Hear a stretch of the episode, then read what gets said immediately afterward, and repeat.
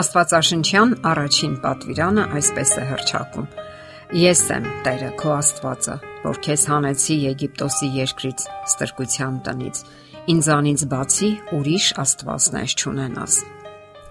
Շարունակվում են վեճերն այն մասին, թե որն է գլխավոր պատվիրանը։ Շատ աստվածաբաններ այն կարծիքին են, որ հենց առաջին պատվիրանն է ամենագլխավորն ու հիմնականը Սակայն բոլոր պատվիրաններն էլ կարևոր են եւ եզակի, յուրաքանչյուրը իր հերթին եւ իր ոլորտում։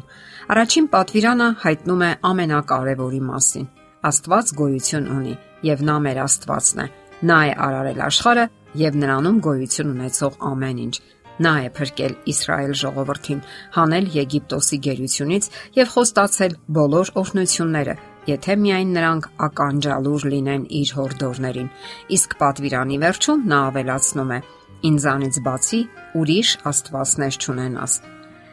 Մեր արարիչը թույլ չի տալիս ունենալ այսպես կոչված ուրիշ աստվածներ, որովհետև ինքն է միակը եւ ճշմարիտը։ Հայտնի է, որ մարդը ծնվում է ադամական մեղքով եւ դառնում է մեղքի ստրուկը։ Իսկ մեղքից ազատ ագրել կարող է միայն կենթանի եւ ճշմարիտ Աստվածը, ով կոչ է անում ժողովրդին ուխտ կապել իր հետ եւ ազատագրվել մեղքից։ Միայն նա կարող է մեզ սատարել, պաշտպանել ու հասցնել մեր վերջնական հանգրվանը։ Աստված իր խոսքում անընդհատ շեշտում է, որ պատրաստ է օգնել, հույս տալ եւ իմաստ հաղորդել մեր կյանքին։ Ահա թե ինչու նա առաջին պատվիրանում կոչ է անում ընդունել իրեն որպես միակ եւ ճշմարիտ Աստված իրեն դիմել նեղության եւ փորձությունների ժամանակ։ Իսկ մեղք գործելուց հետո էլ մենք կարող ենք նրան դիմել եւ ազատ ագրվել այդ մեղքից։ Ահա թե ինչպես պետք է հասկանալ առաջին պատվիրանի իմաստը՝ ուխտ Աստծո հետ, որտեղ նա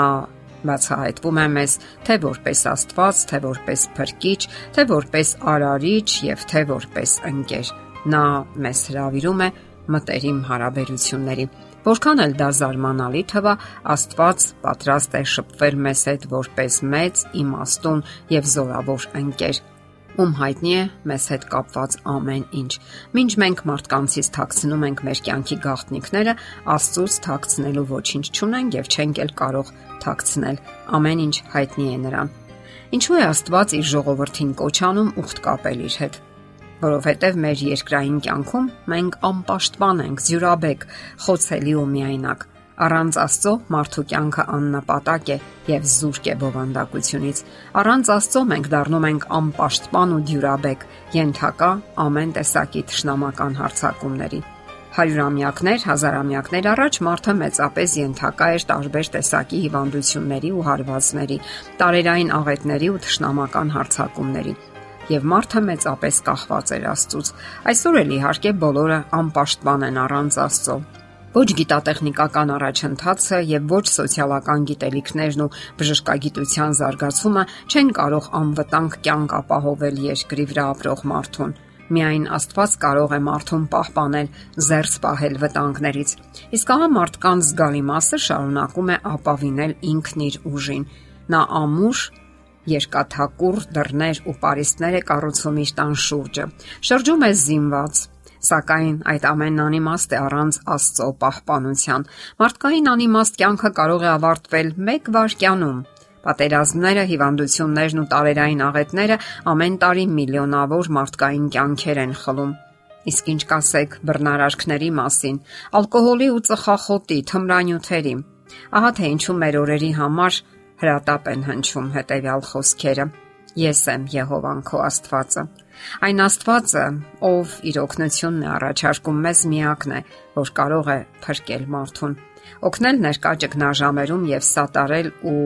վերացնել հիմնախնդիրները։ Սակայն Աստծուն չընդունելը եւ նրան չդիմելը հանգեցրել է այն բանին, որ այսօր մենք ճգնաժամ ենք արցանագրում համարյա մեր կյանքի բոլոր ոլորտներում Առաջին հերթին մարդկային հարաբերություններում։ Վիշնուհի աստափությունը համընդհանուր չափանիշ է։ Սերը մարել է, ընտանիքները քայքայվում են, քանի որ եսասիրական նկարտումներն են առաջնորդում կողմերին եւ նրանք չեն ներում միմյանց։ Քաղաքականությունը դարձել է նյութական հարստություն դիզելու միջոց, այլ ոչ մարդկությունը վեհացնելու եւ բարձրացնելու գործիք։ Իսկ պատերազմները, որոնք հսկայական ճարիք են պատճառում մարդկությանը, Արդյունքում մենք տեսնում ենք հազարավոր, տասնյակ հազարավոր զոհեր։ որ փացած երեխաներ ու այրիներ, նյութական ապաշարների սպառում եւ ավերակներ։ Միլիարդավոր դոլարներ են ծախսվում մահվան գործիքների զենքերի արդյունաբերության վրա։ Իսկ այդ նույն ժամանակ միլիոնավոր մարդիկ քաղցում են եւ մահանում հիվանդություններից եւ ջրի անբավարարությունից։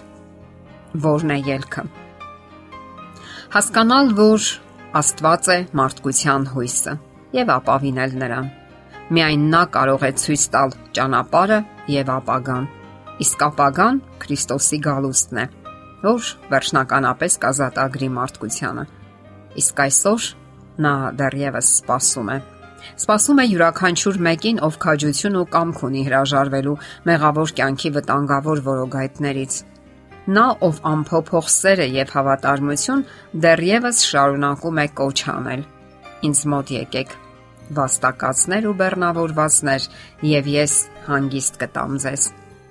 Սակայն այդ спасումը չի կարող հավերժ տևել։ Այսօր է նրան ընդունելու օրն ու ժամը։ Այսօր է դարձի գալու եւ աստծո հավերժական սերն ու փրկությունը ընդունելու վայրկյանը։ Մենք չգիտենք թե երբ կվերադառնա նա երկիր, եւ երբ կկտրվի մեր կյանքի թելը։ Իսկ վաղը կարող է ուշ լինել։